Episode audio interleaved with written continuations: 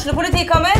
Ine Jansen er purk. Er du purk? The motherfucking bitch. Alt jeg vil, er å finne ut hva som skjedde med mannen min. Jon Carew. Er jeg sikta for noe? Iben Akeli. Det er du. Ole So, Lars Berrum og Big Daddy Karsten. Hvem sin side er du på, egentlig? Anette Hoff, Tone Danielsen, Kommer du fra Afrika?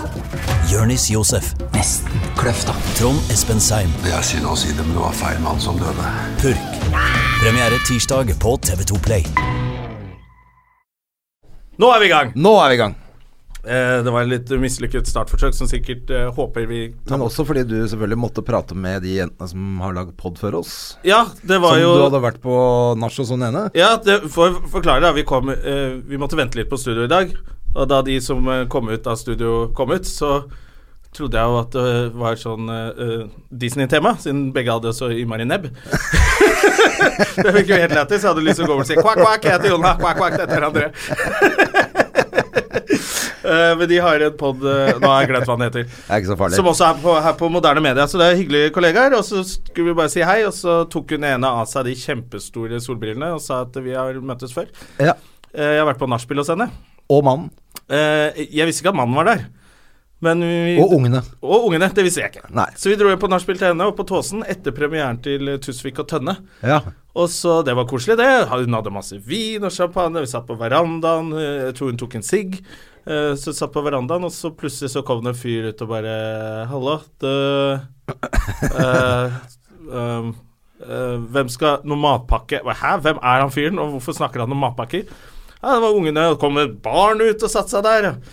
Så hadde hun jo bare dratt meg med på nachspiel hjemme hos hele familien sin. Det var jo veldig spesielt Så et par unger jeg satt der ved frokostbordet litt om morgenen og Fy faen, slitsomt.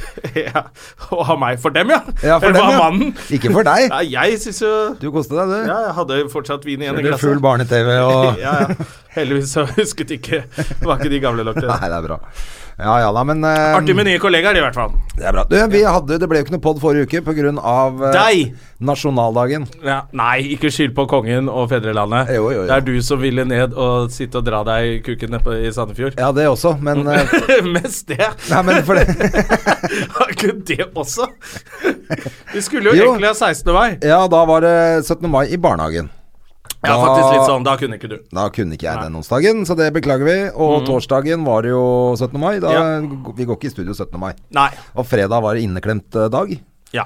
og da er det kjørt. ja, og ingen av Så greit er det de som hører på oss, var edru denne uka likevel. Nei, Det er faktisk ingen som har lagt merke til at ikke vi har laget I hvert fall ingen har uh, Ja, av og til så får man litt sånn melding Hei, når kommer podden og sånn? Uh, hvis vi legger den ut litt seint. Men nå var det bare sånn We don't care. Så da var det egentlig greit. Da var det egentlig greit. Mm. Pluss at uh, da kan vi jo ønske alle en god 17. mai nå. Ja, gratulerer med dagen Svar. Håper alle har hatt en fin 17. mai, i hvert fall. Ja, det håper jeg også. Og pinse, har du feira pinse? Vet du hva jeg gjorde pinsen? Full timeout. Ja, jaså? Jeg lå bare hjemme på sofaen og så masse norske filmer. Uh, serier var ikke ute en eneste dag. Og Hva, hvilke- ja, gråt norske av alle, sett, alle scenene til Aksel Hennie når han gråter. Da gråter jeg òg. Ja, og ja, du har sett uh, Ja. Hodejegerne og Hodejegerne så jeg. Uno nei, Uno da så jeg ikke, men det var et par andre Aksel-greier jeg så. Ja. Og så så jeg selvfølgelig på Uh, Ja, nå husker jeg ikke hva de heter. Men masse norske filmer. Jeg prøvde å se den uh, Grand Hotel, jeg. Ja. Det Like eh, kjedelig som det virker som, eller? det var kjempebra. Det, den ser så kjedelig ut. Var den kjedelig, eller? altså, jeg orka ikke å se det ferdig. Og vi elsker Atle Antonsen. Ja, det, det må, det. må vi si. Elsker er Atle Antonsen noe- og syns jo det er gøy at han Hvorfor måtte han slanke seg for den rollen? Er det unødvendig at han skulle være slank for den rollen der. Av og til så Slanka føler jeg at sånne 30 der kilo eller noe. regissører og kunstnere bare sånn ah, Men jeg har skrevet rollen som en slank mann. Så det var sånn Ok. da- Spiller det spiller ingen rolle. absolutt ingen rolle at han er slank. Han kunne like godt bare vært seg sjæl. Men var han så slank da? Var han slank sånn at du la merke til Oi! Ja, ja. Men det mest, oh, ja. jeg husker det mest fra når han spilte det inn, at eh, jeg traff han jo at han var så innmari tynn, og at han holdt på med den. Ja. Men, og det syns jo veldig godt der òg, at han, han skal liksom være slank og pen og arr i ben. Men uh, Men det er altså det Nå så jeg ikke hele, så jeg vet ikke åssen det ender, men det Du begynte i hvert fall ikke ikke se bra. hele? Nei, jeg orka ikke å se Nei. mer enn i Kanskje jeg så 40 minutter. Å, det er mer enn jeg har klart å se av hele Skam. Så det er jo imponerende. Okay, ja, den har jeg prøvd på mange ganger. Men den er ikke, det har vi snakka om før, den er ikke lagd for oss, så det Nei, er nei, nei. Mens jeg føler den der i Grand Hotel var lagd litt sånn for voksne folk. Ja, Men det funka ikke. Dølle, kjedelige, gamle Nei, folk. fy faen. Så kjedelig. Ja, det er, det er det den er lagd for, og det funka ikke da heller. Det er så kjedelig. da. Ja, Eller men, så digg å eh, vite, for jeg tenker sånn Den burde jeg jo se, da. Men uh, nå vet jeg at jeg slipper å se den. Ja. Jeg hadde jo tenkt Jeg hadde jo pinsen uh, aleine, jeg. Eh, Jeg var med mm, Kidolini 17. mai, og så Ja. stakk jeg av gårde og tenkte sånn fy faen, nå Og du har, må ha gjort noe i pinsen. Knallvær, og båten var ute, og tenkte faen, skal, nå har jeg frihelg, jeg skal klinke til. Hvor mange potensielle forhold har du ødelagt i pinsen? Nei, det skjedde ingenting. På lørdagen la jeg meg klokka 11. Okay. Jeg var bare helt utslitt, så jeg Ja. har egentlig tatt det helt rolig sjøl, jeg. Ja, ok. Ja, Det er det samme som jeg har gjort. Det var drittdeilig. Men da tror jeg at det var bare sånn hvis vi hadde bestemt oss Jeg bare kom ned på hytta, og så tar vi det litt rolig. Det hadde ikke Nei, gått. det går ikke. da, hadde, da hadde vi satt fyr på hele Sandefjord. Ja, da hadde, det, da, hadde det, da hadde det gått til helvete. Og egentlig skulle Terje Sporis komme ned på toget på lørdag. Ja, ja. Men så gikk ikke det av en eller annen grunn, og da, jeg var, da var jeg så glad for at han ikke ikke, kom. Fordi at, Ja, ikke for at det det er alltid hyggelig å se Terje òg, men, men jeg var så glad for at jeg kunne bare gå og legge meg. ja. Det var faktisk Jeg tror jeg var bare sliten hele pinsen sjøl. Og så var det så jævla digg å bare være hjemme. Og så var eh, min Kidolini var jo på hytta med sin mor Ja. eh, og Pizzle Pete, så de koste seg. Så fikk jeg sånn oppdatert sånn morsomme bilder. De var ute og surfa og gjorde sånne ting. Og så lå jeg bare på sofaen og bare gjorde ingenting. Det er Helt nydelig. altså. Altså. Jeg har jobba som et helvete, da, det skal sies. Jeg har jo faen meg til med gnagsår igjen. Å, fy faen. Ja. Ja. Skikkelig òg. Den, må, den, den Nå skal vi klare å følge opp på sosiale medier. Den skal vi klare å legge ut bilde av på uh, Støme og Gjerman På eh, Instagram. Ja, vi får gjøre det. Få se, hva er det der for noe? Nei, det er, jeg, jeg har holdt på med et spett. Å- Ja, men du skal jo sette spett stein. i bakken, da, ikke midt i hånda. Ja, det ser jo som eh, Det ser ut som sånn stigmata, ikke sant, fra Ja, ja. pinsen. Ja, og ditt folk drepte jo Jeg fikk jo det i pinsen, vet du. Ja, ditt folk drepte jo Jesus. Nei, det var romerne. Nei, var det ikke ditt folk? Det var romerne som drepte Jesus. Ja, jødene. Var det ikke jødene? det. Nei, alle jødene skal alltid få skylda. De får alltid skylda for alt. Men eh, Men nei, jeg driver og holder på med det der eh, nede på brygga der, vet du. Det der eh, opplegget jeg skal støpe ny brygge og sånn. Og, da, og da er det helvetes masse stein Mm. Du som skal gjøre det? og, ja, jeg holder på å gjøre alt sjøl. Du har ikke jobb. fått med deg disse Maxbo-reklamene og 'Vi gjør det for deg'. Nei, ja. Jeg burde kanskje gjort det, altså. Er det gøy, da? Eller nei, nei, jeg kan liker du det, vet du. Ja, jeg liker det. Ja, for du må jo ha noe å gjøre Men i da og med at blir du litt flytter ned i skada, så nå er jeg litt skada. Ja. Jeg må ha masse å gjøre, for jeg, jeg er der nede så mye. Ellers så kjeder jeg meg, vet du. Ja. Men så må jeg må jobbe som et helvete, og så legge meg i hengekøya og slappe av. Eller ta en båttur og drikke meg full. ja. Ja, men så bra. Da har du gjort uh, ingenting Ja, du har gjort litt, da. Jeg har gjort masse, men da, du, etter sånn der, jeg gjør ikke så mye sånn hard labor lenger. Sånn Nei. kroppslig arbeid. Sånn at når jeg først gjør det, så blir jeg dritsliten. Ja, Men det er litt viktig å, å, å huske hvordan man lager ting. For du vet, zombiene kommer snart. Snart kommer zombiene, Ja. hvis ikke du kan bygge din egen mur da. Ja, så er du, da er du, fucked. Da er du første som Trump går. sier. Ja, som Trump, det er det Trump er redd for. Men så er det denne Afrikavarmen vet du, som gjør at du blir ekstra sliten òg. Ja, det er Afrikavarmen som tydeligvis kommer helt fra Afrika eh, og hit. Er det Er det litt rart, eller er det Jeg syns det var rart at de kalte det Afrikavarm, fordi eh, Så jeg sa til russ, Nå kommer russekulda, så det i vinter. Ja. Det ble så jævlig kaldt. Og den kulden kom fra Russland. Ja. Det var vind som kom nordfra. Og Men hvor kom Afrikavarmen fra? den kommer tydeligvis fra Afrika. Drit i at den drar forbi hele Syden og blir ja, Forbi Spania, Ja, ja. Italia, Ja. Hellas. Dette er tydeligvis Afrikavarmen. Ja. Så det høres jo ut som man burde passe seg. Nå kommer Afrikavarmen! Helvete! Men jeg håper jo at Afrikavarmen bare setter seg i Norge i år, at det bare blir sånn nå til oktober, liksom. Du vet jeg sa til deg at denne sommeren skal jeg faktisk prøve å ha det litt fint. Ja. Jeg syns det går bra. Det begynner å gå bra nå? Det begynner, Vært inne hele helga og spilt PlayStation. Ja, men jeg har vært litt ute. Og så nå går jeg hver morgen går jeg til treningen, går hjem, tar ikke bilen og er litt ute. Jeg har begynt å skrive på show med Ole So og liksom gjør ting. Du er i gang, du. Jeg er i gang, altså. Det er herlig, det. Vi hadde første ordentlige tekstmøte i går. Ok. Det var kjempegøy. Ja. Ole So er flink, han. Ja, så bra, da. Så nå har jeg troa. Nå det, nå blir det faen meg show, altså. Ja, fy faen. Er, ja, har du satt opp eh, dato, liksom? Eh, nei, vi gjør den samme runden som alle andre gjør. eh, Ja. som, som det er det man skal gjøre. Reise rundt med det. Ja. Få det til å sitte. Og så I stedet for å dra til Oslo bare Se hva jeg har gjort! Og ternekast én hore! Og så må du bare legge det ned hele sjappa. Ja. Nei, men så bra. Det er kult, da. Faen, Mm. eh, kjenner jeg litt misunnelig på akkurat det. Ja, vi kan skrive show for deg. eh, få ut fingeren snart sjøl. Ja. Skal vi rett og slett få inn eh, gjest Olini, eller? For vi ble jo litt seine på i dag, så ikke han sitter og Ja, på grunn av de nebbete kjerringene. Det var jo et uttrykk før som bare Å ja, for de kakler som fugler. Men nå er det sånn nebbete. Da mener du. Da mener du at de har nebb? Ja, de har nebb. Ja. Uh, vi har jo gjest i dag som uh, er foredragsholder. Som Ja. snakker og, og vi må, Så vi må jo finne ut hvilken rolle vi har i dette fire lille tomannsselskapet vårt. Ja, hvem som er primadonna? Fordi, ja, for han Hva heter det? Husker du hva det heter? Eh, kunsten å jobbe med en primadonna, tror jeg. ja. Ja, Vi får den inn. Så Per kan han, eh, Henrik det. Stenstrøm må vi få inn i Det er. Per Henrik han heter. Per Henrik. Det heter onkelen min òg. Vi kaller han for Pepperen. Pepperen? Ja. Ja, da er det bare å få inn Pepperen i studio, da. Are you ready? Yeah, sir. Marvelous. Å ja, da da kan du velge om du vil sitte ved André eller meg. Sett deg der, for at nå er det bare den mikken som er på. Oh, ja, okay. Han skrudde av den. Men du, du var på vei til å sette deg ved André. Det er Ja. veldig sjelden noen gjør det. Men eh, det er interessant hver gang noen gjør det. Nå har vi akkurat bare så vidt nevnt eh, foredraget ditt, Ja. som vi nå ble usikre på om det var riktig Kunsten å jobbe med en primadonna, er det det det het? Nei, slik takler du primadonner og vanskelige kolleger. Ja, det er det det heter. Yes. Men du har jo, du har jo lang fartstid i mediebransjen før du fant på å begynne for deg sjæl. Ja. Per Henrik. 30 år. 30 år i forskjellige bedrifter. Vi er på, ja. Ja ja, vi er på. Er Vi, vi har ikke lang fartstid i Her er mediebransjen, skjønner du, så vi her er gjør det ikke noe sånn. klipping, ingenting. Vi bare gønner på. Er Pass på hva du sier. her. Eller ikke pass på hva du sier. Ja, ja, gjerne bare stup på skitt. Eh, hvilket headset er det, da? Da er det vel det, da? Det tenker jeg. Funka det? Sånn, da hører jeg meg sjøl, da. Ja, ikke sant? Bra. Ja. Velkommen. Tusen takk. Ja, så hyggelig at du kunne komme, da. Ja, det var veldig hyggelig å bli invitert, først og fremst. Så bra. Det er ikke så lenge siden vi så hverandre. Jeg kom på at eh, Eller jeg kom ikke på, jeg har, jeg har huska det lenge. At jeg var eh, huska Har du det husket det lenge? Ja, jeg huska det. Fra den gangen. Jeg må nesten bare ta det med en gang. For jeg var jo eh, hos deg i P4 en gang. Ja. Og for å sjekke om det var mulig å lage noe program der. Det var det var ikke. Kunst å jobbe med primadonna og alle andre mulige typer, det kan du mye om. Kunst å jobbe med André, Så- nei, det tar jeg ikke sjansen på. ass. Nå er det payback time. Det var veldig hyggelig møte, det var det. Ja, men det er bra.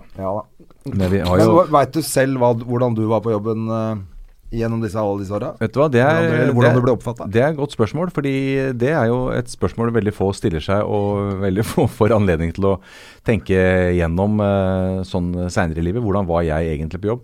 Men da jeg slutta, eh, og det er tre år siden, så etter å ha jobba det, var- det var i P4, jeg har jobba mange år i mediebransjen, men da var det et uh, pussig påfunn fra en av de mer ekstroverte kollegene mine som påla alle, eh, alle ansatte skulle holde en liten tale. Eh, om ja, hvordan de oppfatta meg. Eh, og det tror jeg blei ja, Det var vel noen som slapp unna, men det blei nesten 50 sånne små taler. Oi. Eh, og det var veldig voldsomt og stort sett veldig hyggelig. Eh, men det var utrolig å høre så mange innfallsvinkler på det første møtet i heisen, på det intervjuet man hadde hatt en gang, eller noe man hadde sagt i et møte. Eh, og det, det, ga, det gjorde veldig inntrykk, eh, fordi det var så mange rare ting som man aldri tenker på at man eventuelt eh, uttrykker med kroppsspråk, eller har sagt og ikke ment på den måten. Altså Nå var det jo liksom en avslutningsfest, og det skulle jo være litt hyggelig. Ja. Det kom jo ikke sånn roast og så mye juling, men, men det, var, det var tankevekkende. da, fordi du får jo egentlig ikke det, derre- de der, det korrektivet der underveis egentlig i arbeidslivet, hvis man ikke er litt flink til å snakke om det på jobben. da. Ja, for du var jo leder òg, og du var programsjef på, for uh, Ja, jeg var det? programdirektør i P4 i noen Ja. år, og så var jeg programleder der eh, mange år før, før det. jeg Ja, det var, men altså, når man er direktør, så er det ikke sikkert alle tør helt å Nei. si hva de mener, eller? Nei, nei da. Så det er sikkert var Lettere nok å si det når du har slutta. ja. Eh, og noen er jo flinke til å ta den praten når man slutter også. Så det der ja, og, Jeg har alltid det er syntes sånn- du var et ja. rasshøl. Eller det sånn? Sånn eh, mm, eh, Og noen bruker muligheten til å si fra om hva de syns om arbeidsplassen sin når de slutter først òg. Det tenker jeg er veldig Det er feil. Ja, nei, men eh, det er ålreit, det. Så mye Det er litt samme mulig. som når du drar på sydenferie, det, vet du, og så klager du på at du ikke har hatt pute når du drar hjem. Ja. Det hjelper ikke så mye da. Nei, det gjør ikke det. Det er um, som i livet ellers.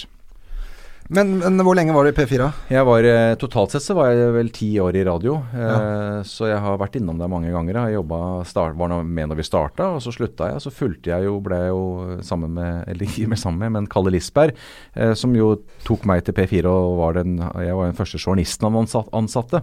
Når vi starta i 93, og det var jo helt vilt å være med å starte en Altså da var jo P- P4 hadde jo bare fått et papir til å kunne lage en radiokanal, eh, og det var ikke noe på lufta, og radio Den, den gamle Norges eh, Hva het den for noe? Radioen med Nils Rykken og sånn, det hadde jo gått konk, så det var liksom Det skulle ikke skulle, Ja, det er eh, langt uh, tilbake, altså. Så det å lage kommersiell radio i Norge, det skulle jo ikke noen lykkes med. Så det å Jeg slutta jo i NRK Dagsrevyen for å begynne i P4, og det var jo egentlig for å få meg lån i banken, få fast jobb. Og så skulle jeg si opp der, og så skulle jeg da gå, få lån i banken, og så skulle jeg gå tilbake inn til Dagsrevyen. Det var planen. Men så oh, ja. møtte jeg da en leder som eh, heter Kalle Lisberg, som mange i mediebransjen kjenner, da. Som Ja, eh, hørt om. ja, eh, som ble en sånn, eh, hva skal jeg si, en gudfar for meg som jeg fulgte etter og var med til TV3 og var med han på flere arbeidsplasser. Så jeg liksom dilta litt etter han. Ja. Pussig Men det, det må ha jo vært fordi det var bra, da. Ja, det var veldig bra. Så, så det også begynte han i P4 igjen, og da var jeg plutselig der igjen. Og, så man får jo Det er rart eh, hvordan man tar noen sånne valg i livet, men eh, det påvirkes jo av noen mennesker man trekkes mot, da. Mm. Gjerne ledere ofte. I hvert Ja. fall så har det vært sånn for meg. Ja. Gode folk. Men hva var det som fikk deg til å begynne å tenke på liksom hvem er hvem på jobben? Nei, Er det noe du alltid har liksom tenkt? Uh, Jeg, eh, tok et, uh, jeg gikk på et sånt lederutviklingsprogram som heter Solstrandprogrammet, som jo er et sånt anerkjent lederutviklingsprogram. Og det var jo egentlig litt sånn mot alle odds å begynne å tenke på å drive med lederutvikling, fordi i mediebransjen så driver man jo ikke med det. Det er sånn lederutvikling, det lærer du ved å sitte på fanget til sjefen. Det er sånn cowboy, Ja. litt cowboyvirksomhet. Ja, og vær kul og drikke litt på fest og vær, eh, heng med de ansatte og sånn. Og bli så, Men så hadde jeg tenkt at det skulle være greit, gøy å få noe andre perspektiver på det, så da mm, gikk jeg på et lederutviklingsprogram. Og da møtte jeg en dansk forsker som, eh, som eh, har forska på sånn primadonna-ledelse. Eh, og det kjente jeg meg veldig igjen i. Eh, da falt det veldig mye på plass i forhold til eh, sånne arketyper på jobben. Da. Og disse vanskelige personlighetstypene som man møter. Og så kjente jeg at dette er egentlig dette kan jeg prate om, fordi med mitt lederliv i 25 år, så har jeg noen erfaringer. Så det foredraget jeg holder nå, er egentlig det er den akademiske modellen som hun da har forska seg fram til, og så er det mitt uh, arbeidsliv egentlig putta Mm. opp, opp i det, uh, som mange kjenner seg igjen i. Uh, For det har vært skikkelig vellykka, det. Ja, det er jo det ikke det? Ja, det er kjempegøy, og det Men holder du det for næringslivet og sånn? Ja. Er det, er det Det må jo være noen sjefer som sitter der og bare Å, faen. Ja, det er jo Det er meg. eh, ja, og mange var litt sånn kleint. Mange, nei, men folk kjenner seg igjen, og det er jo litt sånn lett gjenkjennelige figurer og ansatte. Og det, det som er kult, er jo at folk kjenner seg igjen fordi altså to av fem misliker kollegene sine, viser en sånn arbeidslivsundersøkelse. Som Ok. ikke, To eh, og- av fem, ja. Ja, og det er jo mye. Og så tenker noen det var da lite, jeg tåler ikke å tryne på noen på jobben, så hvorfor skulle det ikke være fem av fem, liksom? Men, men eh, det er klart at det er jo et høyt tall, og da snakker de om at folk da er det sånn at folk ikke tåler trynet på kollegene sine. Og det, det er jo at du da syns det er så ille at du blir i verste fall sjukmeldt eller eh, utbrent. Da. Så det er klart det er jo blodig alvor, dette her. Ja, ja, ja. På mange arbeidsplasser. At du ikke da Ja, for det, må, for det er jo ikke bare for at du skal reise rundt og tjene penger, dette her. Det må jo være for at bedriften skal ha noe nytte av det. Ja, ja da. Det er bra. Eh, Fin kombinasjon, da. Hvis det Ja, ja. Men, men det er jo det er klart at man skal ikke jobbe på store arbeidsplassen før man kjenner at man har noen sånne brysomme forskjeller. Altså at man irriterer seg over Hva kan være typisk for det? Nei, jeg tror at det stort sett så er vel det såpass enkelt at de aller fleste går rundt og tenker at uh, denne jobben er ålreit, men den hadde vært bedre hvis flere var litt mer sånn som meg. Ja. Altså, Ja. Hvor vanskelig kan det være å være litt mer lik meg? Altså, det er jo Vi kjenner jo på at det hadde vært egentlig bra å jobbe sammen med kanskje kopier av seg sjøl. Altså hatt sånne kloninger som bare liksom Sånne små Jonar og Andreer som fløy rundt. Det hadde vært kult. Ja, det hadde, vært Det hadde eh, funka. Jeg, jeg veit ikke, altså. Og, så, og så kommer den tanken. Vi, ja, for vi kunne ikke hatt flere av oss i studio her. Det blir aldri noe bra. Nei, det hadde blitt eh, Men jeg veit ikke hvem som er primadonnaen og hvem som er arbeidshesten her, jeg. Jeg er i hvert fall ikke arbeidshesten. Nei, jeg, det er bra du veit det sjøl. Ja, det var derfor du spurte. Ja, det var det. André booker alle gjester, for jeg har telefonskrekk, så jeg orker ikke ringe folk som jeg synes. Det er i hvert fall det du skylder på. Ja, men jeg, nei, men jeg tør faktisk ikke. Hvis jeg skulle ringt noen og, og spurt Jeg har jo Men du er ikke noen primadonna likevel? Jeg ikke Nei, jeg tror ikke jeg er det. Jeg, Nei, det er du ikke. Hva legger du i primadonna? Eller hva, hva er liksom deres oppfattelse av primadonna? jeg tenker at en primadonna Jeg tenker mer uh, hva jeg er vant til som primadonna, er liksom i- eh, gjennom sport, idrett. Ja, ja. At en primadonna er liksom Maradona var liksom primadonna. Han trengte ikke gjøre Han var best, så hvorfor skal han gjøre det samme som de andre? Eh, han som skårer mest mål, hvorfor skal han liksom være med og Ja, hvis du alltid går inn i møtet og ikke gidder å ta med vann f.eks. til alle, Ja. bare går og setter deg mens det alltid er de andre som ordner for deg, så er du litt primadonna. Ja. Kommer Ja, seint inn i møtet og bare begynner Ja. å snakke. Kommer fem minutter for seint og Ja. begynner å bable. Og, de, og de der eh, irriterer folk seg over. De gjør det. De er divaene. Men eh, jeg snakker jo mye om altså, den primadonna-definisjonen, og det er jo ikke så farlig hva man legger i den, men, men at det er en Og det er som du er inne på, Jonah, da, at det er en flink person. Er liksom, det må ligge i bånn for deg. Hvis du ikke er det eh, Kommer- så- så er deg som en primadonna, så blir det feil. Da er, du, da er du en drittsekk på jobb. Så er, liksom, det, er, det er viktig å skille på de to. Ja. Det kan være mange sånne negative karakteristikker. Altså du er um, ja, vanskelig og ja, eh, sjølopptatt, ikke sant, og ærekjær og alt dette her. Men altså, hvis du er flink, da, eh, så kan det passe med en sånn primadonna-definisjon. Og det er jo det som gjør at disse folka her er liksom Vi irriterer oss over folk som er flinke også, da, som, men som veit det. Eh, det er litt de der som vi kjenner at gir oss noe motstand, og som er plagsomme. Og så er det kanskje faktisk da de viktigste folka på en arbeidsplass, er jo de der som sitter i møter, er misfornøyd, vil legge lista høyere, vil løpe fortere, ikke sant. Som vi syns at fy fader, Ulland, så uflaks jeg har.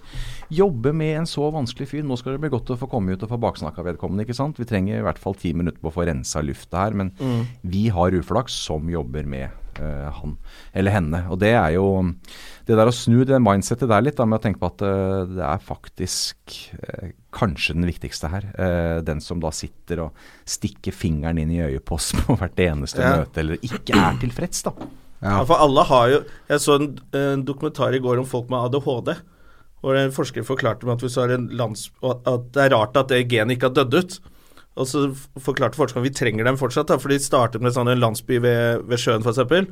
Så ADHD-folk var de som eh, eh, fant ut av ting. For de, var, de gjorde farlige ting, da. Så han første som svømte lengst ut og ble spist av en hai, hadde gjerne ADHD. Og da skjønte hele bygda Wow! Eh, det må vi ikke gjøre. Hai er farlig. Så da lærte flere hundre mennesker dette, og så spredde det seg videre. Men hvis alle hadde vært like, så hadde alle vært ute og svømt, og så hadde alle blitt spist av haien, så hadde ingen lært noe. Øya borte. Ja. Så man trenger alle som er forskjellige, da. Det var liksom greia der. Det er jo bra overføring. Dette, Jeg sy- syns det var veldig så interessant. Så tenker jeg, faen, sett pris på alle. Ja. Alle har en slags funksjon. Men det er jo mange typer, da. Det er jo ikke bare Altså, du har, er det fem sånne forskjellige typer du har tatt tak i? eh, ja, og det er jo en sånn eh, Vi syns jo, eh, med utgangspunkt i at vi syns at det skulle vært bedre om vi var som oss sjøl, så er det jo klart at vi irriterer oss jo over liksom møteplagerne og unnasluntrerne og alle disse her eh, tidstyvene og alle disse her sånn typiske eh, kollegaene som vi kjenner igjen. Og så er det noen, og det er til og med noen som irriterer seg. Jeg var på et foredrag her så var det en som sa Høy, du har glemt en. Ja, hvem er det? Det er de som alltid er blide.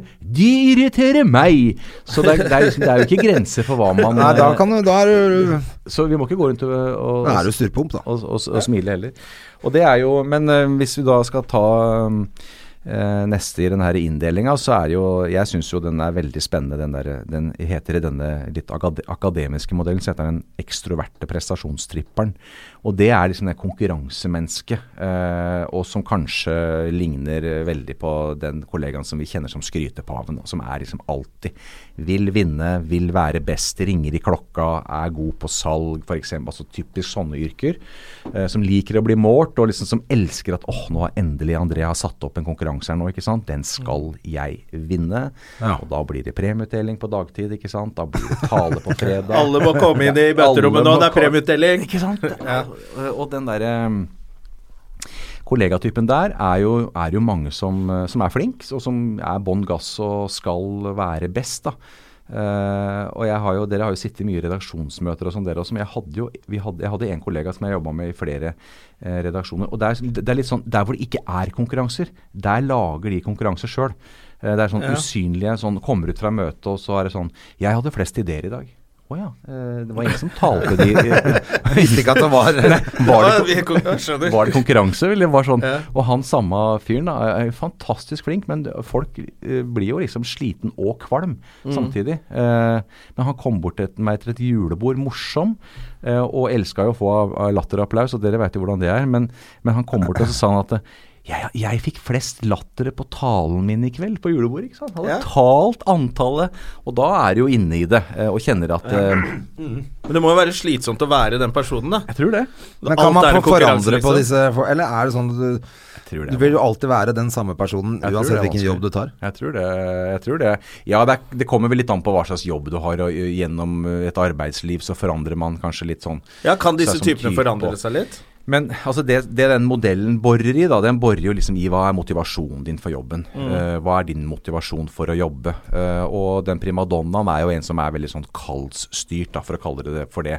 Som kjenner at jeg kunne ikke blitt noe annet enn journalist. Jeg skal avdekke uh, uregelmessigheter i samfunnet og bla, bla, 17. mai-talen, ikke sant. Altså, mm. Som kjenner at Eller dyrleger eller lærer eller uh, sykepleier eller hva det er Ofrer for noe. seg liksom Ja. for jobben? Ja, og det kan være godt være at du er rørlegger òg. Altså, hadde en sånn, eh, på en rørleggerkonferanse så var det liksom en som tenkte jeg, jeg snakker ikke så mye om kall i dag.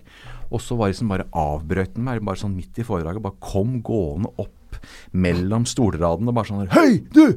Det der med kall! Det gir faen meg mening, sa han. Du skjønner at bestefatteren var elektriker. Fatteren er elektriker. Jeg er elektriker. Og nå skal pinadø sønnen min bli elektriker. Eh, så jeg kjenner at dette håndverket her, ikke sant, det er vår familie store opp... Og da bare alle bare sånn der Halleluja! Ja, ikke sant? 150 elektrikere var oppe og stola og kjente at dette her er jo yrkesstolthet, da. Og det er jo kanskje det det Da ser man mye sånn militærfamilier og sånn. Altså sånn Ja. At det er forventet at alle skal ha krigsskolen eller noe sånt nå. Og så har det liksom gått i Måler liksom Ja, ja. suksess på hvor mange sønner ble lege eller eh, Ja. offiserer eller Men, men uh, de som er på en jobb og har disse forskjellige typene på jobben, er det noe de Altså, først må de kanskje gå i seg sjæl, da. Men, Finne ut hvem man er selv, ja. Ja, Ja. det er lurt. men uh, når du har sånne vanskelige kollegaer Litt av det må jo være at du skal prøve å leve med det. da Du får ikke gjort noe med det, Nei, tydeligvis. du gjør jo ikke Jeg tror ikke du får gjort veldig mye med det, men du kan jo gjøre noe med den innstillinga di, og det er jo veldig vanskelig, da. Eh, og hele tida liksom Men det er jo å ha den derre lille Kunne endre det der perspektivet litt, da. Ja. For at jeg er jo syns jo møter er det kjedeligste som fins. ja. Og det er jo nesten ikke et sted jeg, altså jeg har jobba hvor ikke det skal være noen møter. ja.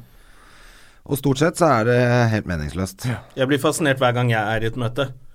Fordi jeg skal underholde på julebordet til noen. Så Ja. tar de et møte, og så sitter det fire mennesker som hever lønnen, liksom.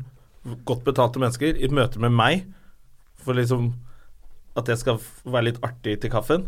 Og da tenker jeg sånn Hva er det dere driver med? Ja. Hvor mange andre dustemøter har dere i løpet av en dag? tenker ja. jeg da. Det det Det Ja, for det finnes jo masse bøker som heter dyrt. sånn her møteteknikk og Ja. hvordan bli bedre i møter og Altså det eneste det er sånn hvordan klare å holde kjeft i et møte som Ja, er det gørrkjedelig.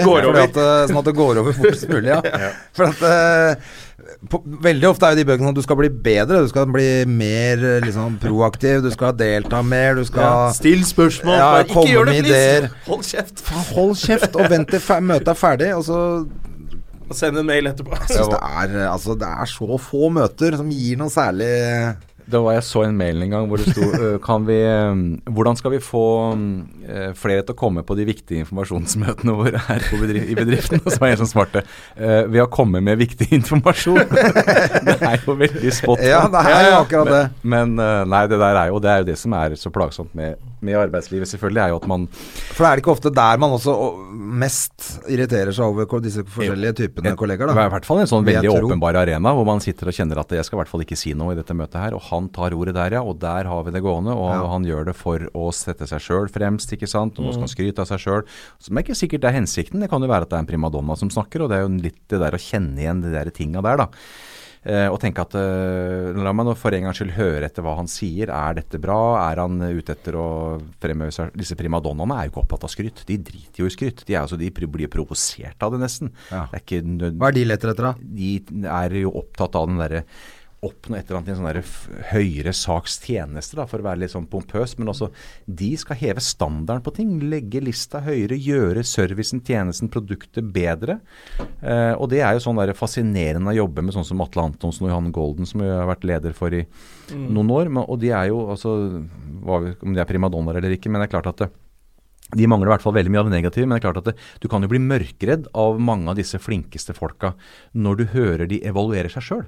For de er, jo ikke for, de er jo veldig sjelden fornøyd, ikke sant. Og det er fascinerende. De syns at ja, men dette var bra. Det var kjempebra sending, Jon og André. Nei, men nei. Det var ikke så Ikke sant. Vi er ikke fornøyd. Hva tenker du? Å, så slitsomt å, å ha den derre innstillinga der til seg sjøl, som jo veldig få egentlig har, da. Vi er jo, ma Veldig mange er jo fornøyd med 80% eller er liksom det middelmådige. Ja, ja, det var greit. Ja, men herregud, jeg så og så er jo kanskje ikke det godt nok, da, egentlig. Eh, og det å interessere seg litt for hvordan de der aller flinkeste tenker, er jo veldig spennende, altså.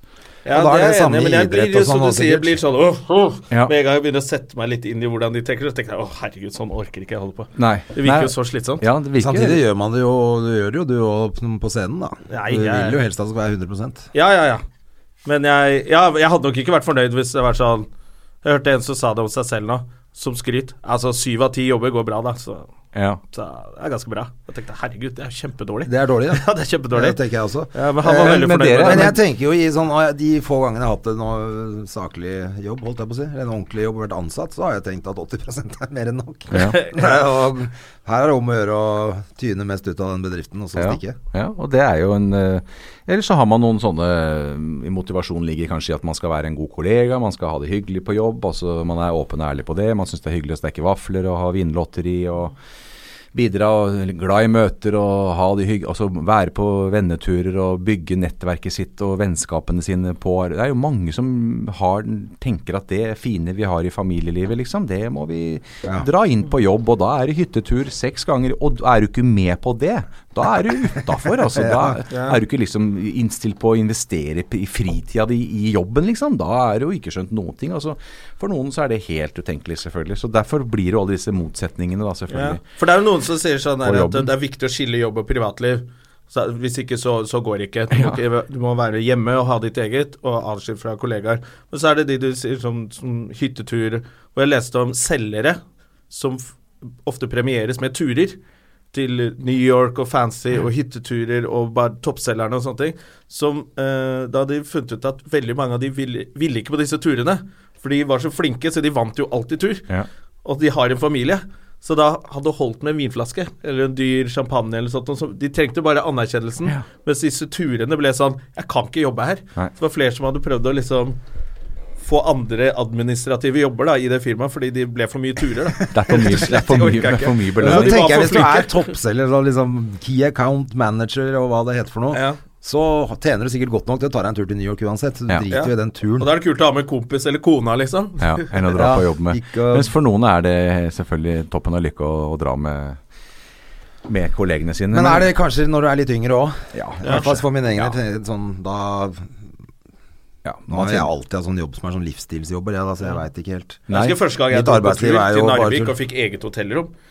Uh, og fløy på jobb og sånn som pappa gjør og sånn. Jeg var dritfornøyd. fornøyd Og da var jeg veldig ung. Da var jeg 21 eller sånn. Ja, ikke sant? Da var det helt topp, ikke sant? Ja, det er stas det, da. Narvik og greier. Skikkelig lang flytur og velkommen sånn. til Jonna på senga og greier når du Ja, kommer inn. det Men jeg tenkte på det du sa med møter, André. Fordi eh, det er jo en sånn Ja, og det er som du sier, der er det skrevet opp og ned. Eh, Jeg hadde en kollega, eller en medarbeider, eh, og det handler jo litt om lederskap òg, tenker jeg da. At, eh, hvor jeg, sa til, hvor jeg sa, sa til han en gang at eh, vet du hva, nå du bråker så mye på disse møtene med kroppsspråket ditt. Jeg var liksom ja, litt fornøyd med den formuleringa, men mm. ja, nei, men jeg sier jo ikke noe på møtene. Nei, nei, det gjør du ikke. Men kroppsspråket ditt er veldig støyende. Ja. Uh, ja, hva mener du? Nei, du bærer deg, og du ser at du eh, Men vet du hva, fra og med nå så kommer ikke du på møtene. Uh, eller vi kan gjøre det sånn, det er frivillig for deg å komme på møtene. Du kommer når du kan. Ja. Eh, og dette For en da- fantastisk deal. ja, ikke sant. Og hva skjer? Eh, han første han tenker på er jo selvfølgelig Ja, men da blir det urettferdig. Eh, ja, men det, ja, det gjør det. Eh, men det, er- det er mitt valg, og jeg er lederen, og jeg bestemmer det. Så lager vi en avtale, og du gjør noe annet. Altså, det, finner noe Ja, folk kommer sikkert til å reagere på det, men du gjør noe annet. Men så kommer du når du vil, eh, og når det passer. Og hva var resultatet? Kan jo dere gjette? Som- Han kommer jo hver gang, selvfølgelig. Han kom jo ganske Ikke hver gang, men han kom, han kom ganske ofte. Og hva blir det, da? Litt blidere. Ja, Mye blidere. ja, ja. Og kom til og med med noen forslag. Men satt jo der og visste at jeg kan gå når jeg vil. Jeg, har liksom Jeg har eh, tillatelse fra på papir at jeg kan eh, Ja, Det burde jo mange ta med seg som sitter der ute og Så kan du ikke gjøre det for mye, må- selvfølgelig. Og det er ikke noe sånn Nei, og I noen far... jobber så må du kanskje være med på de møtene, men jeg tenker veldig ofte så holder det å få info på mail. Altså det er, det er få ting jeg har gjort i livet hvor ikke den informasjonen kan komme Ja. på en kort mail. At de møtene er litt sånn Jeg har vært på noen møter som jeg tenker sånn da jeg jobbet i NRK, at uh, dette er sikkert bra, og det er hyggelig. Og alle hadde det koselig sammen, og det var litt kake, og vi så på gårsdagens sending sammen. Kom med litt tips, og så var vi der, og kake. Det var det sosiale var Ja. nok den største verdien av de møtene jeg var på. Og for mange er jo det kjempeviktig. Og det er klart, nå er det jo Det finnes noen sånne utviklingsbedrifter, altså i, eh, sånne eh, IT-bedrifter nå som, som verds... Altså du må ikke ha asperger eller være autist for å jobbe der, men det er veldig fint. Det lønner seg. Det lønner seg, ikke sant. Og som ansetter bare helt rått på det. Jeg tenker at det er jo helt fantastisk. Ja. Eh, å se at dette er kvaliteter og sånn, og vi setter pris på det. Og da åpner du noen muligheter i arbeidslivet for de som har den diagnosen. Eh, og der er ikke så mye snakk om julebord, tror jeg, og om du skal ha grønne, grønne planter og vanndispenser, liksom. Det er bare De jobber. Tut og kjør. Og har antageligvis ikke møter omtrent. Eh, Ja, ikke sant? Det er sikkert masse penger spart på det. Men klart, er du glad i vaffelstacking og hyttetur og sosiale og kakespising, så, kan du, så dør du jo av å jobbe der. Da får du jo ikke næring i det hele tatt på de behova. Nei. Men det- hvilke flere, hvilke flere sånne typer er det vi har da, som er Så, ja, du har jo du har den der, Nå har vi hatt eh, ekstrovert. Ja, så har vi hatt uh, skrytepaven, og så har vi hatt den, eh, og så har vi snakka egentlig litt om denne pragmatikeren, da, som eh, er egentlig Det er den norske arbeideren, vil jeg si, som er da den det finnes flest av, og det er den som eh, er, eh, har sin motivasjon i å, det sosiale på jobb, og som vi har snakka litt om, som liker hytteturer, og som eh, arrangerer vinlotteri, og som setter opp sommerfesten og julebordet, og som utfører arbeidsoppgavene 100% men det er litt sånn der jobb er jobb, og fritid er fritid. Ja. Og hvordan blir det med den derre Nå har, har de altså lagt et møte på fredag ettermiddag med overgang til Er det overtidsbetalt for det? lurer jeg litt på. Altså, ja. Det er veldig sånne eh, tette skott da mellom fritid Ja. og, og, og jobb. Selv om de gjør en del ting sånn utafor også, så, så også er sånn Og litt sånn instruksbaserte. Det er sånn Kan jeg få en instruks på hvordan jeg gjør jobben, eller hva som forventes av meg? Ja, så alt er veldig Ja. Det bør helst forklares. Ja, og gjerne litt sånn, kan vi, hvis vi kan laminere den, så er det veldig eh, kjekt. For da kan jeg liksom ha den foran meg, så kan jeg se hver dag. Ah, det har jeg gjort, det har jeg gjort, det har jeg gjort. Og så ser jeg det står her Hvis, hvis du uh, får tid, så kan du i tillegg gjøre Det kan jeg bare si med en gang, det får jeg ikke tid til. Ja. Uh, så det er liksom Det yter ikke så veldig mye ekstra. Nei! Og lurer på sånn Spør sjefen sånn Du, hva var det du liksom Hva føler du var ditt de største faglige bidrag eh, i fjor, eller Så er det bare sånn Hæ? Hva, hva var det du tenkte på? Det gjorde det skulle. Men, Altså, men de ja. gjør det. Men Ja. de gjør det de liksom Ja, det, superarbeider. ja, det er det jeg mener. Ja. Du aldri sluntrer ikke unna de der. Nei, nei, nei. Og er liksom den sosiale eh, oljen i det der sosiale maskineriet som ruller av gårde, Men det høres jo ut som en sånn person alle bedrifter bør ha Ja. i hvert fall en ja, sånn. ja, og henger opp skilt, ikke sant. Mora di ryddet, rydd på tekjøkkenet, mora di jobber ikke her. Og på dass henger det skilt med 'husk å bruke dobørsten'. Hvor vanskelig kan det være å bruke den dobørsten, ikke sant. Altså, pass, passe på at alt er i orden på jobben, men er ikke den som liksom løfter den faglige diskusjonen, og krasjer jo med primadonnaen de luxe, da. Ja. Primadonnaen skjønner, blir jo forbanna når det er vaffelsteking på fredagene, ikke sant. Og da begynner jo denne pragmatikeren å grine når, eh, når han blir forbanna og smeller i dørene og kan vi ikke jobbe isteden? Altså skal vi, e- er det den nye forretningsideen vår å selge vafler, liksom? Er det er, Skal vi ha sånn nettbutikk med vaffelsalg her på sykehuset? Er det det vi driver med her? Ja, ja. er det noe jeg har misforstått? Og da er det, og da er det langtidssjukmelding på vaffelstekeren. Altså. Dra med seg et par sånne sympatikolleger i sånn langtidssjukmelding, tre stykker. Ja. Ja, det var så dårlig gjort. og- Så, um, så det er um, jo en sånn som eh, selvfølgelig en del kjenner seg igjen i. eh, mens primadonnaen er sånn gå fra jobb før vi er ferdig med jobben, liksom. Det, altså, vi jobber til det er klart, og gå hjem før det er mørkt er jo helt utenkelig. eh, for Ja. primadonnaen, mens den andre har på en måte en helt annen. Så man har liksom sånn forskjellige innstillinger.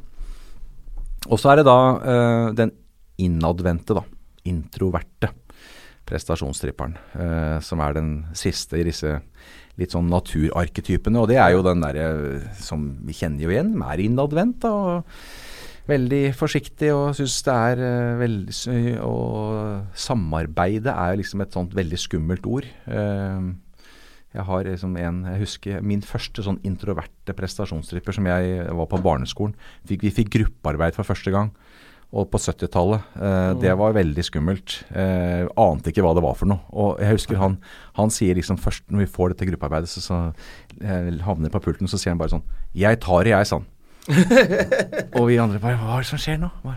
Men han ble regnskapsfører. Han, eh, og det, Vi hadde sånn reunion nå for ikke så lenge siden, og da har jeg, fikk jeg jo snakka med henne om dette her. Eh, så nå veit han at jeg prater om henne eh, i, i foredrag også.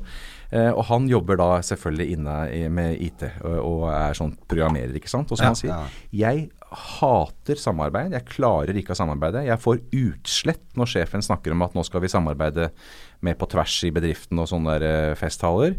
Eller sånn enda verre, som han sier, når vi skal eh, jobbe litt mer på tvers av faggruppene i virksomheten. Da, da bare kjenner han at eh, nå må jeg ta meg en eh, en ferie. Så, og de folka der er jo veldig fascinerende. Da. For vi som er litt sånn ekstroverte, vi, vi kjenner jo på at eh, Super kollega, men vi skal få han litt mer ekstrovert. Ikke sant? Ja, det skal sånn vi klare. sånn som vi er. Ja, Tenk hvor fin han hadde vært da.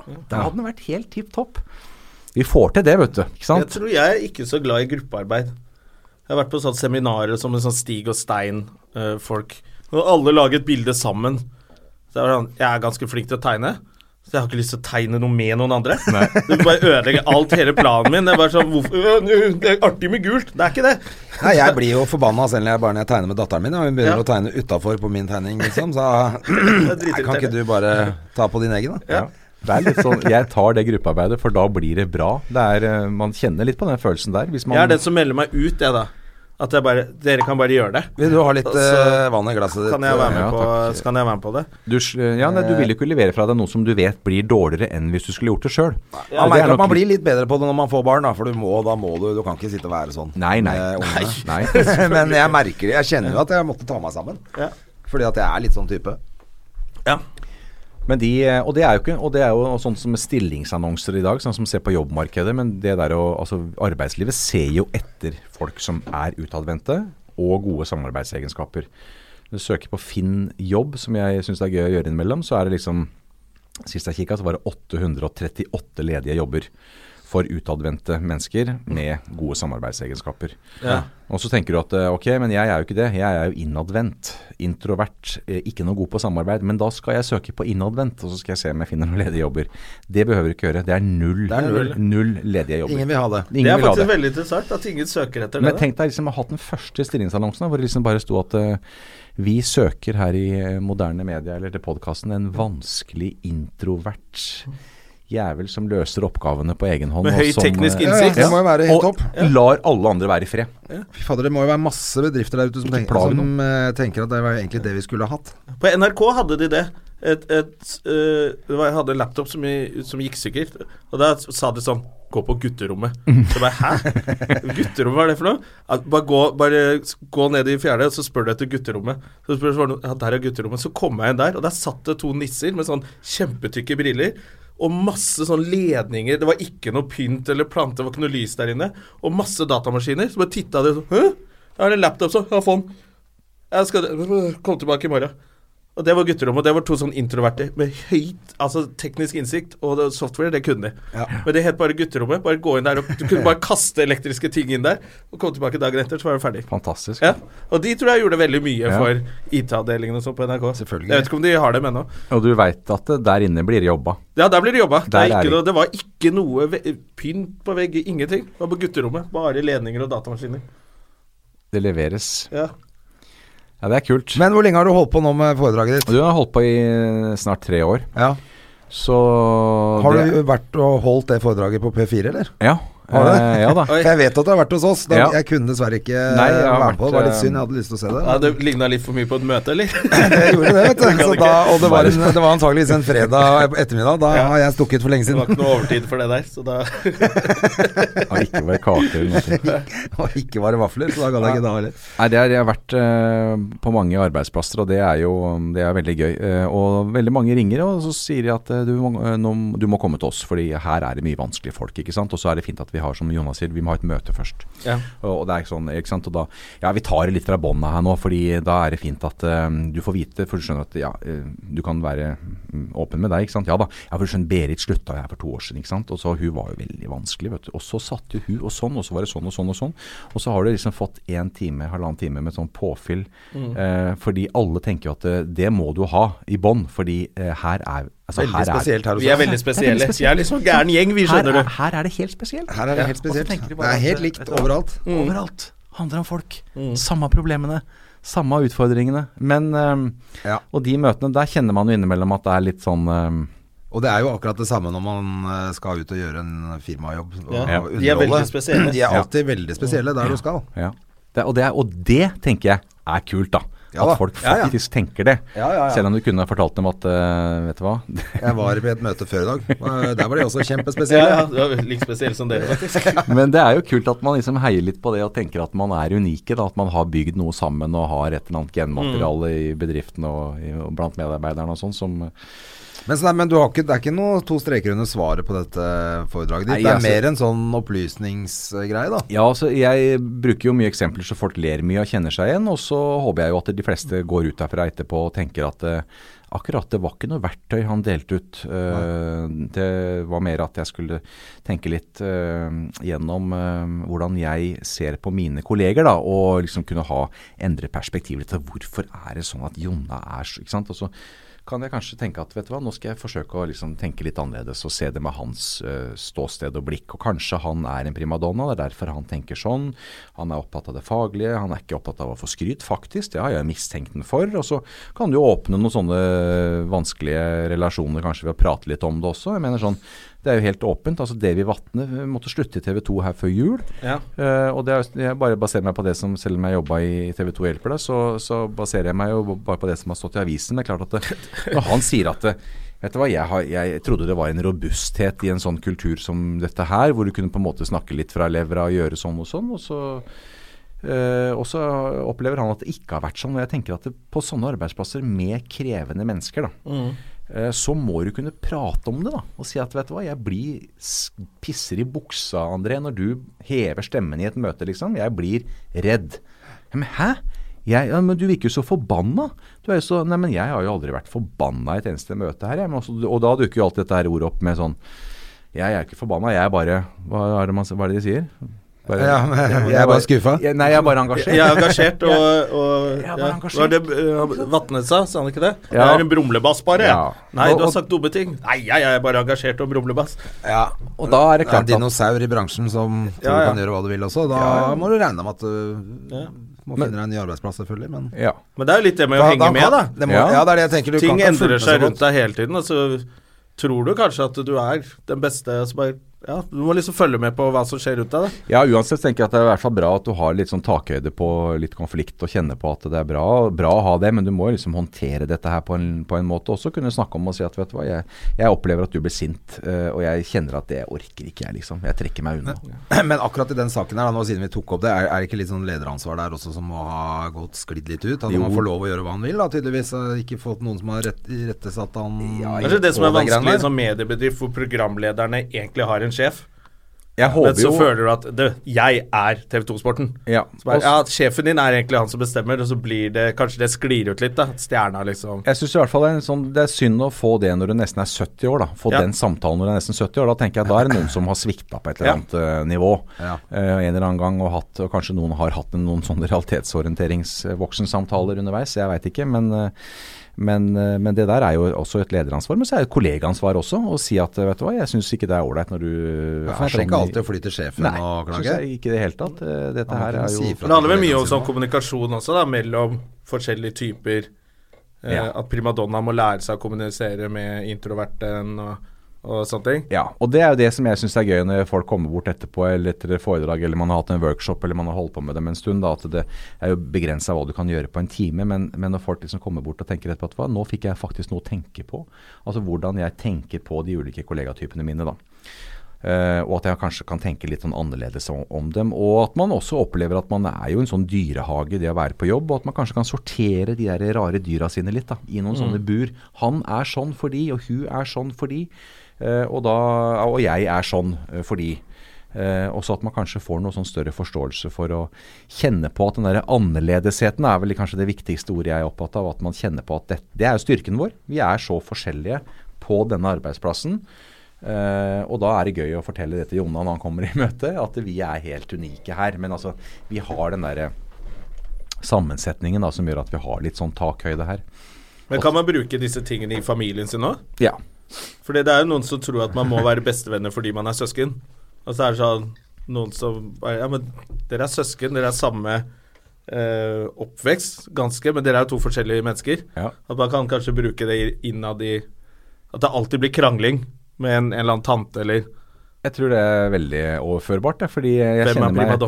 Jeg hadde en sånn uh, Kona mi uh, vi, eh, Ja, det hender jo at jeg mener noe om folk i idrettslaget, eller foreldre på skolen, eller naboer, eller eh, og så hadde jeg et sånt utbrudd en dag, og da sier hun Vent, vent, vent, litt, vent litt nå. Er ikke, du, er ikke du han der foredragsholderen som snakker om å være glad i annerledeshet? Og da sier jo jeg at Men også, dette, er, dette handler om noe annet. Eh, Dette Nei, nei, nei. Dette handler om følelser. Ikke sant? Dette er akkurat, dette er akkurat det samme, og det er jo selvfølgelig helt Ja. riktig. Det er jo noe med at eh, naboene dine som du har, må du ha et forhold til, eh, stort sett.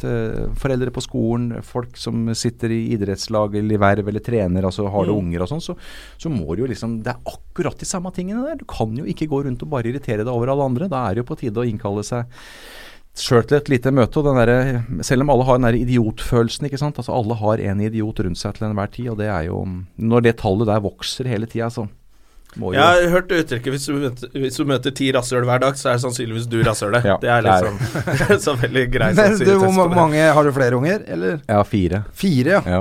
Så, og i alderen Fra 33 til uh, 9. 10. 10 yngste. Yes. 33, ja. Så det er, det er bra, så gammel, bra spenn i um, Vært mange år på lekeplassen. Men eh, er det Så du har måttet lære deg hvem som er hvem av alle på lekeplassen. Ja, men altså, Egentlig burde du hatt denne jobben her Burde du hatt mye før. Mm. Istedenfor å ha vanlig jobb uh, i alle de årene med Ja, små, ja, små unger. For nå må, du må jo ha mye mer tid nå. Ja, i hvert fall eh, mye mer sånn Selv om dattera mi sa her en dag at du er jo aldri hjemme. Uh, så da har jeg lært meg til at uh, når jeg da har noen sånne off-dager og litt fri, så passer jeg på at da gjør jeg det liksom Da er jeg synlig. Da, da henter jeg henne tidlig, eller at vi finner på et eller annet, sånn at hun merker det, da. Ja. At nå er alle de andre pappaene på jobb. Så du har egentlig ikke så mye men- tid allikevel? Jo, jeg jeg bare tenker at det må være en av grunnene til at du ville drive for deg sjæl også. Ja, er det for da. å styre tiden litt bedre Jeg har selv, bedre, jeg syns jo jeg har mye bedre tid, eller har, men så reiser du litt, og så er det borte. Men, men da er det litt viktig når du er hjemme en dag, at du kan uh, ta henne hjem tidlig og si at eh, nå, nå jobber alle andre pappaer, vet du, Pernille, men, men vi, vi Du to, sier det, ja. vi har fri, vet du. Jeg bemerker det hjemme. Eller Og dag- hvis datteren min er syk og må, eller skader seg på skolen og må hentes, så sa han kan bare komme. Bor tre minutter unna og Ja. Ja. gjør ingenting. Og i dag er det vafler, og det er- blir Ja, ja. vinlotteri og Nei, det er mange fordeler ved det.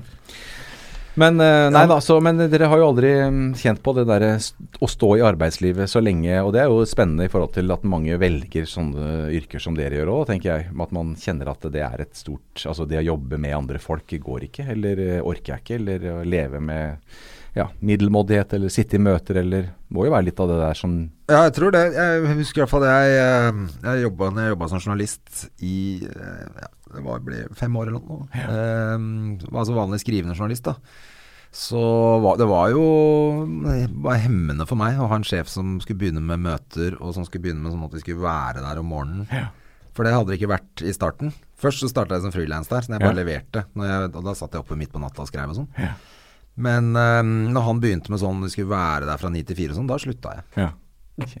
Det orker jeg. er det dette som er arbeidslivet? Ja, det, det går ikke. Altså, jeg, kan, jeg leverte mest av alle. Ja. Jeg kunne levere Jeg, sa det, jeg havna jo i, med advokater og full pakke der, da, for han var et rasshøl, for å si det mildt, han fyren der.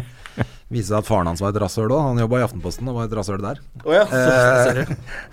Men i hvert fall så ble det sånn advokatmat ut av det. Men eh, han advokaten min, han sa jo det Det første han sa var La oss se på hva André har skrevet, da. Og så bare, ble det bare stille fra han advokaten til han der eh, redaktøren min. Ja, for du hadde gjort nok. ja, så Jeg hadde skrevet alt i de avisene de siste fire åra. Altså, det var jo bare jeg som skrev hele avisa, så det ble jo samme faen når jeg er der da. Så det endte jo med Da er du av altså, typen "Eh, Jeg gjør det sjøl. Ja, det, Men derfor så kjenner jeg meg jo veldig godt igjen i den derre eh, litt sånn diva-greia Ja, òg, ja, da. Ja. Fordi at uh, man føler selv at man er veldig flink, men du føler ikke alltid tide. Jeg har aldri likt å ha fast tid. Jeg syns det er dritt. Ja. Nei, det, er Skikkelig dritt. Det er bare hemmende. Jeg kan jobbe Jeg skal levere når som helst. Er Hvis folk sier at du skal levere til en tid, så skal jeg gjøre det. Men drit i når jeg gjør det. og det er jo mange av disse her eh, ja, store kunstnere og i mange yrker i for seg. Men det er klart det er ikke så lett. Men sånn i mediebransjen så er det jo programledere og, skuespillere og sceneproduksjoner og sånn, så er det jo mange av de er jo frittstående og er frilansere og som tenker at det, det er eh, nytter ikke å komme på leseprøve, og da er de fast ansatte og har liksom ikke åpna manus ennå og lurer på Nei, jeg har ikke begynt å kikke på det, liksom. Når er det vi har leseprøver, er ikke det Mens, eh, Og da kjenner jo de kanskje de som ja, de store, sånn klassiske Men jeg tror primadonnaer finner jo i, i, Jeg har jo holdt på bilverksteder, og jeg har vært hos maskinentreprenører, og, og så er det mange som sier at ja, men vi har ikke noen primadonnaer hos oss. Uh, Det er kanskje du, primadonna. ja, men jeg tenker at det, det bør du se å skaffe deg, eh, for hvis ikke så går det gærent her. Og så er det jo noe med den klassiske forståelsen av primadonnaen, men, men altså de flinke folka som på en måte brenner og ivrer etter og liksom hele tida, og de, de finner jo i alle yrker. Det handler jo ikke om at du har lange utdanninger eller noe som helst. Men yrkesstolthet, sånn som bestefaren, altså det spiller ikke noen rolle hva du blir for noe, men det du blir, det skal du bli god på. Det må du gjøre ordentlig. Sant? Gangs arbeid. Men du snakker jo primadonnaen som en litt mer positiv. Ja, ja, ja. Fordi primadonnaen Kommer ikke det egentlig av førstedanseren i Første damen, ja, i operaen. I operaen. Ja, eller- det er primadonna. Ja. Eller balletten. Eh, eh, Begge deler, ja. Og de er jo litt sånn De bæres frem, og Ja. de må nesten ikke røre noe, for de skal bare danse. Ja, det er prima ballerina. Det er prima ballerina, er det. Ja, Ja, Men, men, eh, primadonnaen synger. Ja, Ja, og, riktig. og har førsteretten. ikke sant. Eh, Dette er jo det, som Nei, Så når du er oppfører deg som en primadonna andre steder, så er jo det blitt sånn Det passer dårlig. Ja. Du, alle må ta i et tak. Uh, men du snakker om primadonnaen som en som er Det hadde jo vært jævlig kjedelig å gå og se opera hvis det ikke var en primadonna der òg. Ja.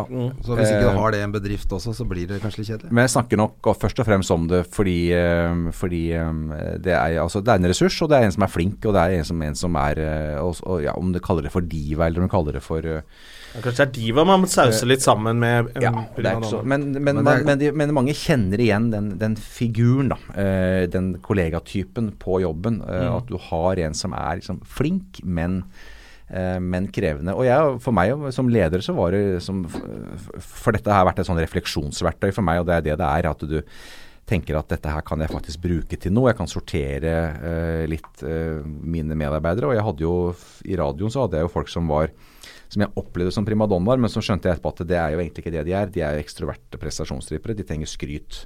Og da er det litt sånn Da går du ikke inn til Jonna etterpå over to over fire øyne og sier 'kjempebra podkast eller sending i går'. Da veit jeg at han er han en sånn ekstrovert prestasjonstripper, så veit jeg at det, da er det lurt å ta det på allmøte, så alle hører det. For skryt gitt under fire øyne. Det gjelder ikke for Jonna, ikke sant? Det må, alle må ha hørt det. Det er da, Ja, ikke da, da er det gyldig. Fikk en mail om at jeg var flink. Det Ja, det er, det er ikke Ja, det går i søpla. Sender den til alle. Ops, jeg trykka feil, jeg. Er Sendte til alle. Videre sendte til alle. Ko kopifelt i mail er jo lagd av en sånn ekstravert prestasjonsripper. Ja. Bare sånn, Trenger jeg ha flere på, på Nei, jeg tar alle fast ansatte, jeg, faktisk. Fordi det er ikke skryt, vet du. Det er faktaopplysninger, ikke sant. Ja. Det er ikke, det er, dette er bare faktaopplysninger. Det ble jo veldig, det ble en veldig sånn fakta-podkast også, dette her. Ja, så bra. Ordentlig Eller, masse ikke. bra informasjon. Men vi må jo høre litt på slutten. Fordi, altså To ting egentlig på slutten. Det ene er jo at du har jo holdt på litt med underholdning sjøl òg. Du prøvde deg litt på standup, du, Jeg har vært på scenene med begge dere, faktisk. Ja. Eh, Det husker sikkert ikke dere, men eh, det Så jeg har jo hatt um, Du har jo hatt et sånt ekstrovert gen der Ja. som skulle mates litt. Ja, eh, jeg tror det. Så jeg tror det her er litt sånn summen av Og det å drive med dette her, og foredrag og, og konferansiere og stå på en scene, er nok sånn summen av uh, Jeg har vært programleder i mange år, og så har jeg uh, vært leder i mange år, og så har jeg jo hatt et sånt derre Ja. Hva skal jeg si uh, Syns det er gøy å stå på scenen, da. Eller formidle. Eller fortelle historier. Og, og syns jo det er gøy når folk ler også. Så det, er jo et foredrag som folk Ja, for det jeg tenkte på foredraget ditt er ganske morsomt, Ja ikke sant? Det er morsomt. For nå ble, vi, vi ble veldig, nå ble det veldig streit her nå, men jeg vet jo at det, det er morsomt. Hvis folk tenker at Nå ble det ganske kjedelig vi- her i podcasten, Nei, men det er men egentlig ble- ganske morsomt. Nei, men det, ble, det er ikke kjedelig, men det ble veldig Det ble jo mye facts Ja, ja. og Eller sånn saklig prat ute, da. Men jeg har jo hørt at det er veldig gøy. Jeg Ja, tenker. Hvis noen vil booke det, det så må vi huske på at det er, dette her er gøy for de ansatte òg. Ja da, og man, kjenner, man ler jo Man ler jo litt av seg sjøl, da. Man kjenner jo inn at man eh, så, det, så jeg tenker jo at det er viktig at folk ler mye av det, så det ikke det er så skummelt. For da du tar jo inn noe mer eh, når du ler litt, eh, kanskje, av kolleger og av deg sjøl. Eh, og det er jo mm, Hvordan får man tak i deg, ja?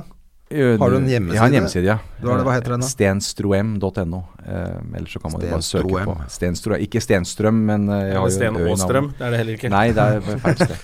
Stenstrøm.no, ja. men med OE. Med, nettopp. Så, ja, så det er bare å Ja, det er veldig moro. Det er jo jeg Stemmer er jo Gjerman tar på 10% alt fra Ja. Nei, det Har du en det- sånn kode som kan, hvis man skriver Støme og Gjerman eh, Nei, det har jeg. Rabattkode burde du hatt. Ja, men jeg kan jo bare si at jeg har hørt på her, da. Så slår vi av. Tenk du rabattkode. Du bare, vi hørte det på Støme og Gjerman. Wow! Nei, det tror vi på. Hvis du vet hva det er, så tror vi på at du har hørt det. Hva skal vi gjøre i sommer, da? Du, da er det, da er det litt forskjellig. Det er litt eh, Sørlandet og Lyngør eh, og Spania. Oi, oi, hvor i Også Spania da? i um, et sted som heter uh, midt mellom Barcelona og Valencia. Uh, liten sted, Alcocebre heter den byen. Ja. Der har vi leilighet, familien, så det er veldig fint. Alco. Se. Alcos Sebre. Det ser fantastisk ut. Høres så bra ut. Noe for deg, det. Johan. ja, det er noe for deg òg, tror jeg. Men du, da er det bare å ønske deg god ferie, da. For jo, tusen takk. vi er ved veis ende her, vi i dag. Ja. Like måte. Vi er tilbake neste uke med mer gøy. Ja. Eh, Erlend Osnes kommer neste uke. Oi, oi, oi, så gøy! Ja, det blir hyggelig. Vår uh, standup-kollega Ja. fra nord. Fra nord. Ja. Superstjerne blitt der oppe, vet Ja, han er morsom. Men du, jeg håper, du, jeg håper de booker på det foredraget ditt Ja, nå. Etter jeg har hørt etter Så alle- leilighet i Alcosebra, er så tror jeg det går bra av seg sjæl, det. en million mennesker som hører på denne podkasten. Ja. Det er den beste podkasten i Norge. Ja. Er. Og, så vi høres neste uke. Tusen Og takk god sommer i Alkoland. Takk for Ha det. Ha det. Ha det. Takk for det. Ha det bra. Har du et enkeltpersonforetak eller en liten bedrift? Da er du sikkert lei av å høre meg snakke om hvor enkelt det er med kvitteringer og bilag i fiken, så vi eh, gir oss her, vi. Fordi vi liker enkelt. Fiken superenkelt regnskap.